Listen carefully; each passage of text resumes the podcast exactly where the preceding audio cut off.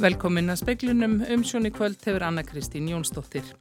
Settur ríkisáttasemjari leitar samkomlags um nýja miðlunatillugu í deilu, eblingar og samtaka atvinnulífsins.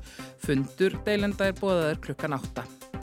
Bresk stjórnvöld og Evrópusambandið hafa samið um tollamála á landamærum Írlands og Norður Írlands og greittur einni erfiðustu brexit-flækjunni. Mikilli verðbólgu getur fyllt fristi vandi og tilneying til að velta öllum hækkunum beint út í verðlægið að mati hagfræðing sem óttast að þetta ekki lengri tíma en vonast var til að vinda ofan af 10% af verðbólgu. Og Ísland hefur mist forskott sitt á sviði greiðslumiðlunar, það þjóðar öryggismál að koma fót innlendri greiðslumiðlun. Samtök atunlífsins hafa frestað fyrir hugöðu verkbanni sínu á starfsfólk í eblingu um fjóra daga. Settur sáttasemjara í bóðaði samninganemdir á sinn fund síðar í kvöld og búisti við að miðlunartillega sé í smíðum. Sáttasemjari hefur bóðað samninganemdir, eblingar og SA til fundar klokkan 8 í kvöld. Samkvæmt heimildum fréttastofu áformar Áströður Haraldsson settur sáttasemjari í deilunni að komast að samkómulagi um nýja miðlunartillu sem er því lögði í atkvæði félagsmanna eblingar og fyrirtækja einan samtaka atunulífsins. Á meðan sittu miðlunatilega aðalsteins Lefssonar ríkisáttasemira óhreyfð þótt að hefði fyrir lungu átt að vera búið að greiða atkvæði um hana. Magnús Davíð Nordal, lögmaður Alþjóðusambandsins, segir að framganga ríkisáttasemira í síðustu miðlunatilugu hafi verið óbóðleg. Það er um að ræða mjög alvarlegt yngripp í frjáls stjættarfjölu og starfsemi þeirra. Þegar að farið er inn í vinnudeilu með einhverjum hætti og verkvöld stöðuð eða þvingu fram niðurstöða. Ekkert tilefni hafi verið til þess þegar síðasta miðlunatilaga var lögð fram, engum í ljósi þess hver erfitt er að fella miðlunatilugur eftir lagabreitingu frá árinu 1996. Síðan þá hefur eiginlega, getur við sagt, hátturinn um miðlunatilugur verið sá sem að mér sínist um sömt að skipaður ríkisættar sem er Ástráður Haraldsson sé að ytka núna og það er að eiga náið samráð um það að reyna að miðla málum. Ekki er þar með sagt að ný miðluna til að líti dagsins ljós á fundurum í kvöld. Á meðan standa verkvöld eblingar enn. 800 hótelstarfsmenn og 70 vörubílstjórar eru í verkvalli sem hefur staðið samfleitt í rúma viku. Samtök atunlífsins hafa eins og að frestað áformuðu verkbanni um fjóra daga. Í stað þess að hefjast á fymtudag hefst það á mánudag eftir viku. Alexander Kristjánsson saði frá. Þorgerðu Katrín Gunnarsdóttir formaður viðreysnar líkti ríkisregstri við smálánastarðsemi og spurði hvernig ríkistjórnu ætlaði að bregðast við aukinni verðbolgu þegar stjórnaranstaðan gaggrindi efnags aðgerðir ríkistjórnarinnar í óundirbúnum fyrirspurnum á alþingi í dag. Þess vegna vil ég spyrja hæstvirtan ráðherra, er eitthvað plan til þess að taka á þessum lausatökum í ríkisfjármálum? Eða er bara áallunin að halda áfram að bensíngjöfinni í ríkisjútgjöldum og vika út landtökuheimildir út í hið óendalega og reka ríkið í rauninni áfram á, á okkur lánum? Sagði Þorgerur Katrín. Katrín Jakobsdóttir, fórsættisar á þeirra, sagði að eitt mikilvægasta verkefni ríkistjórnarinnar var að ná tökum á verbulgunni en að það hefði gengið verð en vonast það hefði verið eftir. Kosturinn fyrir okkur hér á Íslandi miða við annars staðar í Evrópu er að það er margt sem vinnur með okkur og þá vil ég sérstaklega nefna að hér er kröftugur vöxtur, það eru mikil umsvið í hagkerfinu og skuldastaðan er ágætt í alþjóðlegu samengi. Jóhann Páll Jóhannsson, þingmaður samfylkingarinnar, beindi einnig fyrirspöndsinni um verðborgu aðgerðir að fórsættisar á þeirra. Hver er ábyrð ríkistjórnarinnar hérna í 10,2% verðborgu og hvert er planið ef helsta framlægið átti að vera hér það sem hæstvirtur ráðherra nefndi áðan að samþykja aðhaldsum fjárlög fyrir árið 2023 þá fjall stjórnarmeirilutin einfallega á því prófið. Við lögðum fram aðhaldsum fjárlög. Þar var uh, töluverð andstæða við tekjuöflun sem kynnt var til leik sem fyrst og fremst nýrist um það að krónutölugjöld rýrnuð ekki meira raunbyrði en gert, hafði, þau hefðu þegar gert.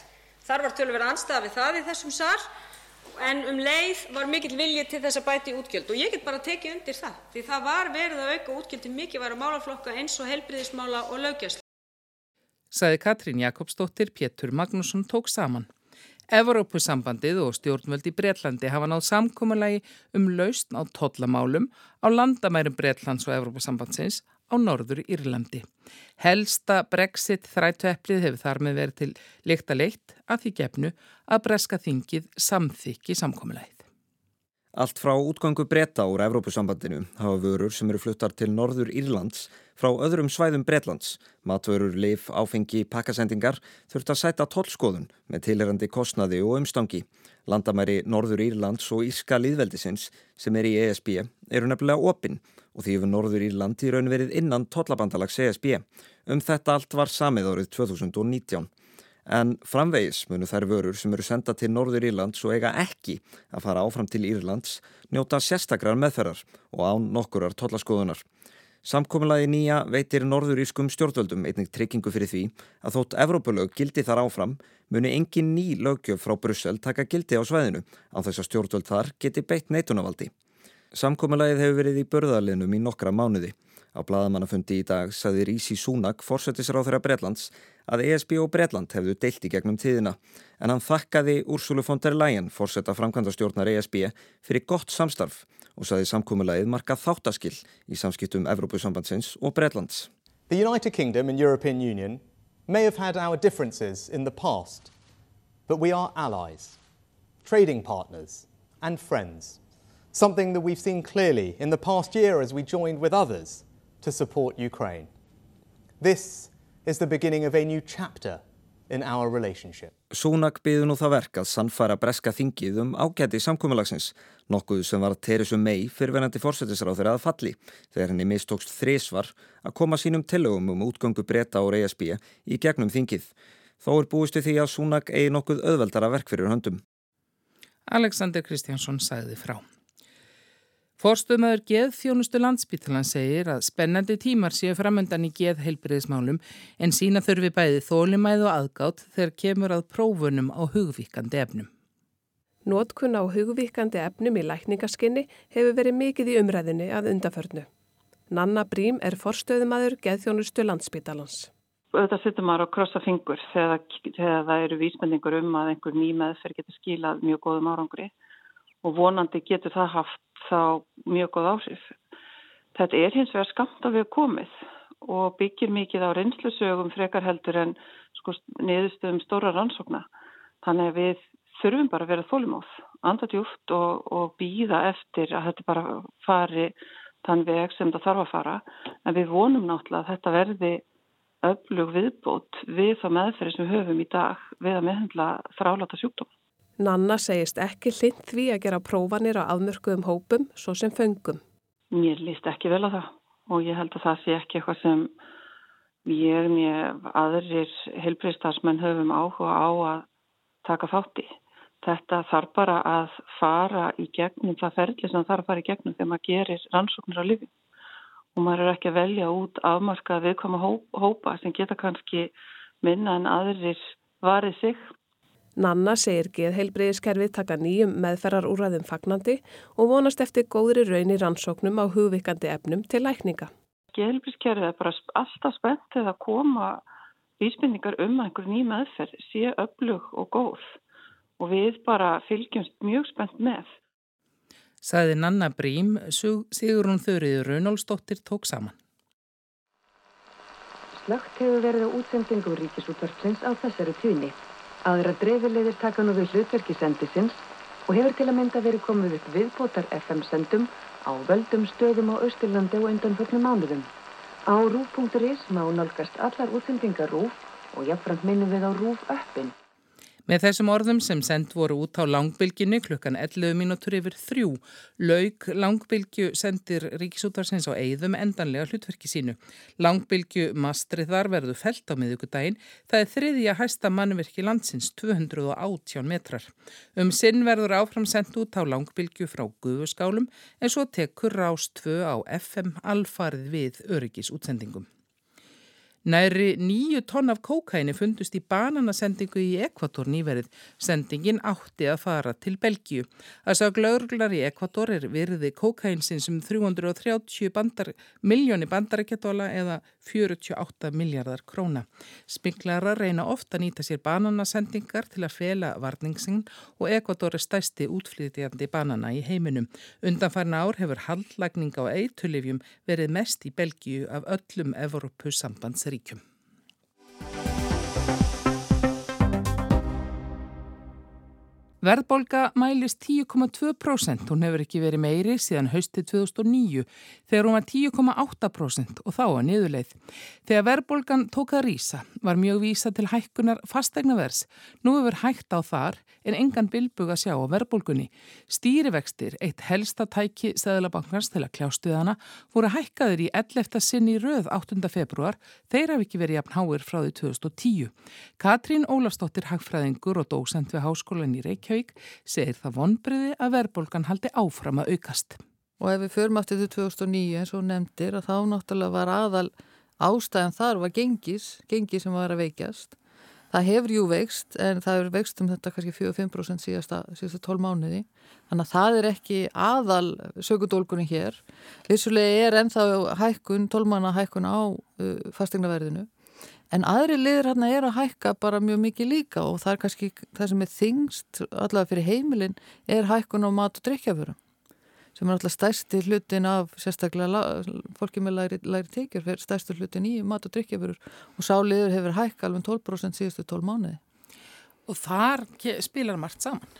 Þar, þar spilar margt saman. Það er hérna, búveruverð, það er ekkurleiti innflutningsverð það er launakostnaður og, og þarna bara kemur bara mjög margt saman í þessum lið.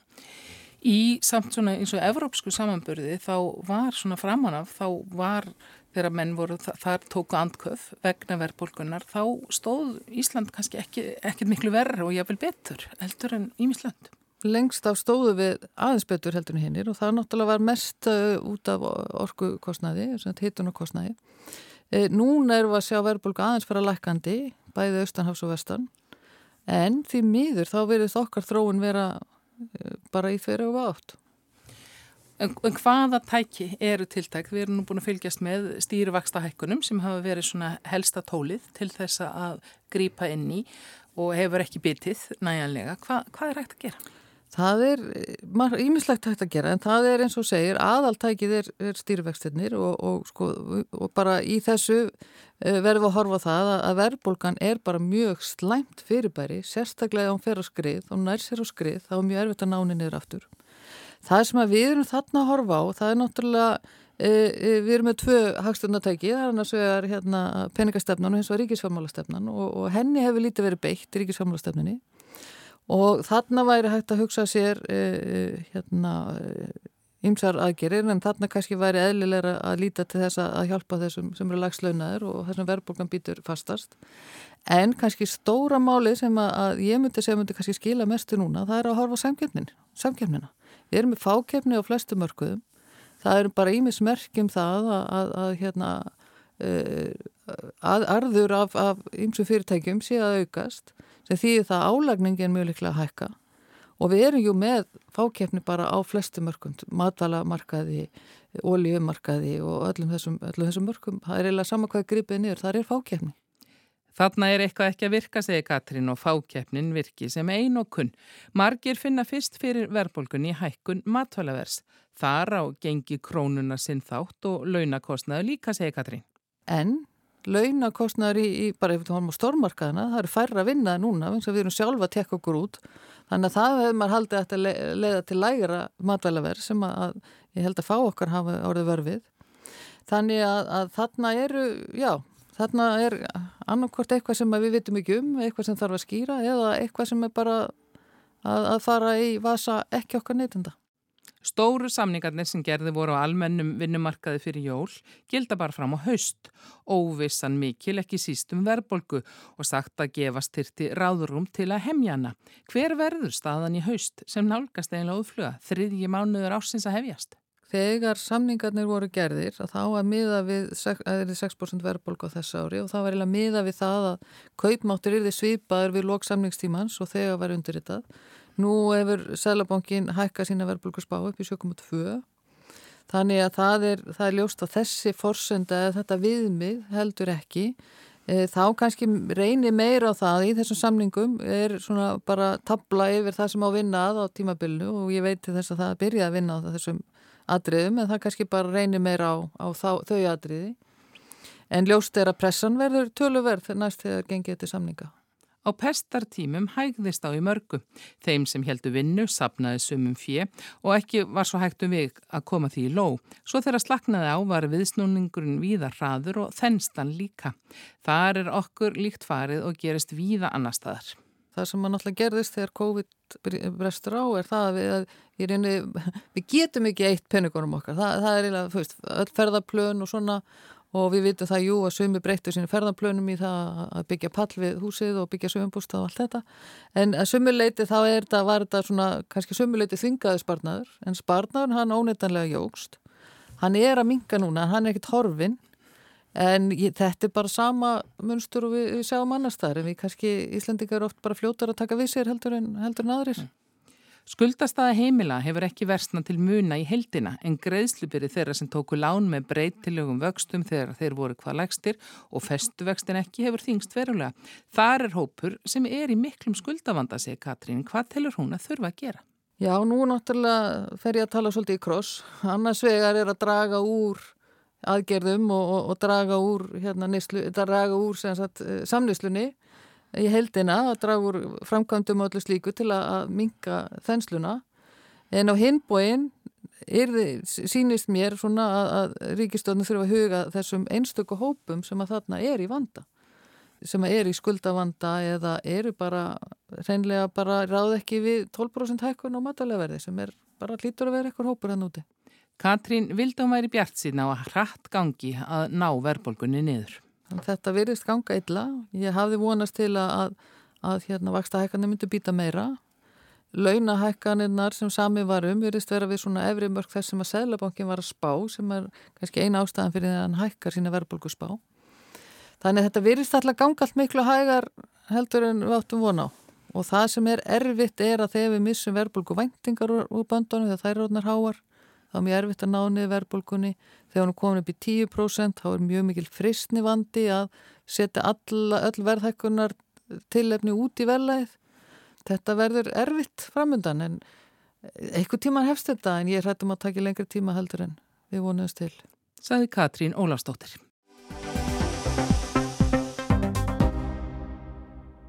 Við þurfum flest að eiga viðskipti, stór og smá. Borga fyrir vörur í vestlunum, greiða rekninga, stunda viðskipti á milli fyrirtækja, stopnana og ímislegt annað. Greiðslu miðlun eru brautar teinarnir frá því að við greiðum fyrir eitthvað yfir til þess sem tekur á móti. Og þeir brautar teinar likja yfirleitt í gegnum erlendar greiðslu miðlanir. Og allt sem gerist utan landsteinana er úr okkar höndum. Af þessu hafa stjórnvöld áhyggjur til að mynda í þjóðar öryggisráði og vilja koma á fót innlendri greiðslumiðlun. Sælabankin gaf á dögunum út skýrslu um möguleika í þeim efnum.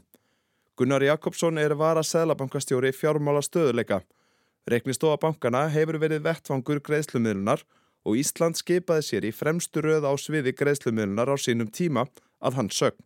Því miður höfum við kannski tapað niður því fórskoti sem við höfðum og er, þá komum við að skýslunni og því sem við erum að velta fyrir okkur í skýslunni og ég, ég nefndi áðan öryggið er mjög mikilvægt og það er ekki bara öryggið að þetta virki e, þegar að þú, að það sé ekki einhver sem að geti mögulega stólist inn í heimabankaninn eða komist einhvern veginn yfir reiknisupplýsingar þinnar og nota þínar upplýsingar til þess að greiða heldur líka að þetta virki þegar þú þart á því að halda.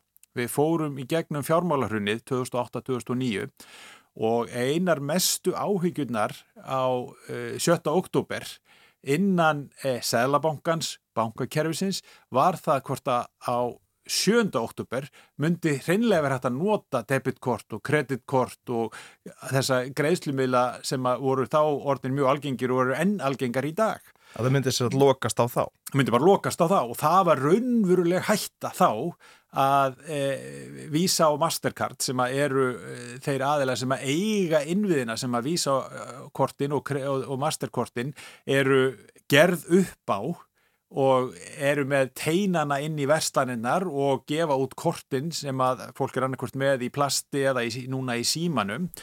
Að við sjáum það til að mynda í stríðinu í, núna í Úkrænu, þessu hörmulega stríði að þar ákváðu Visa og Master kart að hætta að gera upp það er að segja þegar kortin voru notuð utan landamæra Úkrænu þeir töldu bara áhættan af því að vera með ukrainst uppgjör væri of mikið fyrir þeirra enga fyrirtæki og það var bara ákvörðum þeirra að þegar flótafólki kom yfir til Pólans þá gæti ekki notað lengur þessa gjaldmiðla því að enga fyrirtæki höfðu hreinlega lokað á það. Þetta var raunveruleg hætta í hruninu hér á Íslandi okkur tóst sem betur fyrir að e, koma í veg fyrir það meðal annars vegna þess að við vorum með debitkortin á þess sem kallast innlendum teinum. Þau fóru í innlend kerfi sem við gætu þá bara nota og tekið yfir innan Sælabankans og bankakerfisins og þannig að þetta á endanum reyndar fjellust vísa á Mastercard á það að taka ábyrg frá Sælabanka Íslands og halda áfram þessi viðskiptum á Íslandi en þetta var áhættan. Frá þeim tíma hefur reknistofa bankana verið endur skipulögði í tvígang, seinast árið 2021. Gunnar segir að skipta megi innviðum greiðslumilnar í þrent. Það eru peningar, það er að segja mynd og seðlar, svo kalluð millibankakerfi sem koma við sögu þegar fólk í banka þarf að greiða öðrum sem eru í öðrum banka og það þriðja sem eru greiðslukortin. Um þau sem slík sé ekkert nema gott að segja, en það sé hins vegar úr höndum Íslands að breyðast við ef eitthvað fyrir úr skeiðis.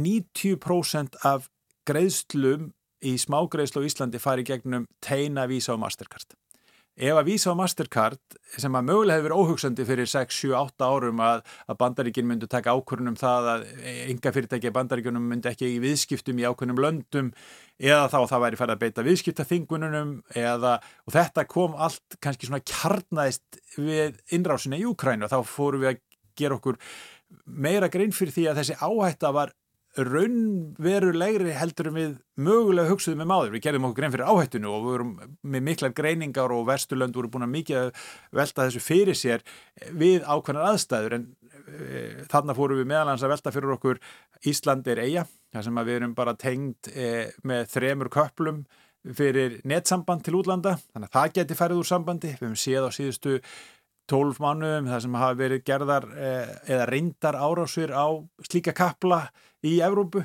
Það þarf ekki einu svona að vera árás, það getur verið öryggisatvík, það getur verið eh, tógari eða annað, getur tekið í sundur eh, kapalinn af, af óhefni en þá erum við stönduð fram með þessum áhættum. Annars vegar getur orðið sambandslaust og þarna geta netárási líka komið inn í. Eh, eða þá að fyrirtækin hennilega takja ákvörðunum að ekki viðskiptum á Íslandi. Þá vantar okkur þennan greiðslumiðil og þess vegna fórum við að skoða það hvaða lausnir væri raunhævar og það eru tvær lausnir sem eru raktar í skýslunni. Það er annars vegar það sem kallast reikning í reikning eða á ennsku account to account.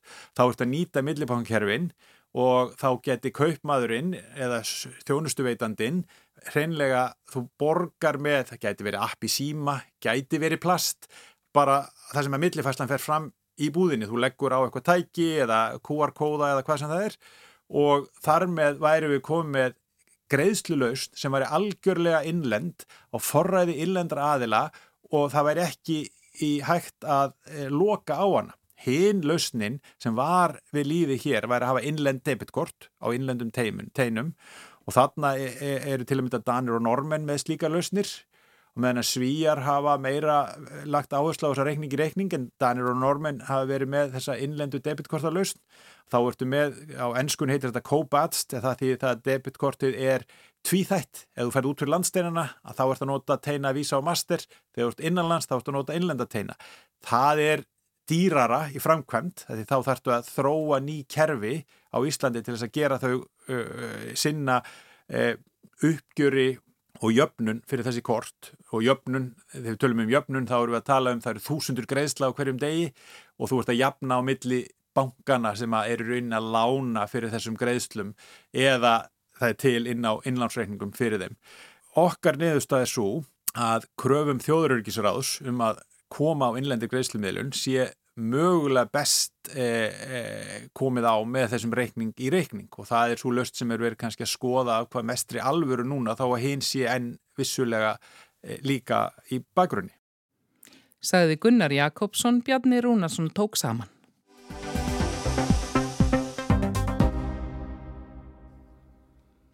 Mikið liðlaugreglu hefur síðdeis fjarlægt mótmælendur sem hefðu hlekkjað sig fasta fyrir framann ráðunni til ólíu og orkumála í Óslo í Noregi.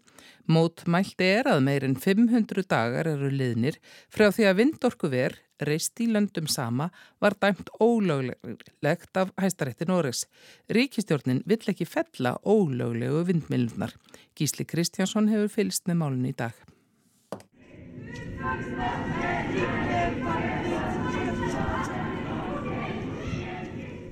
Dómur hæstaréttar var alveg skýr. Þetta vindorkuver er reist án heimildar í lögum.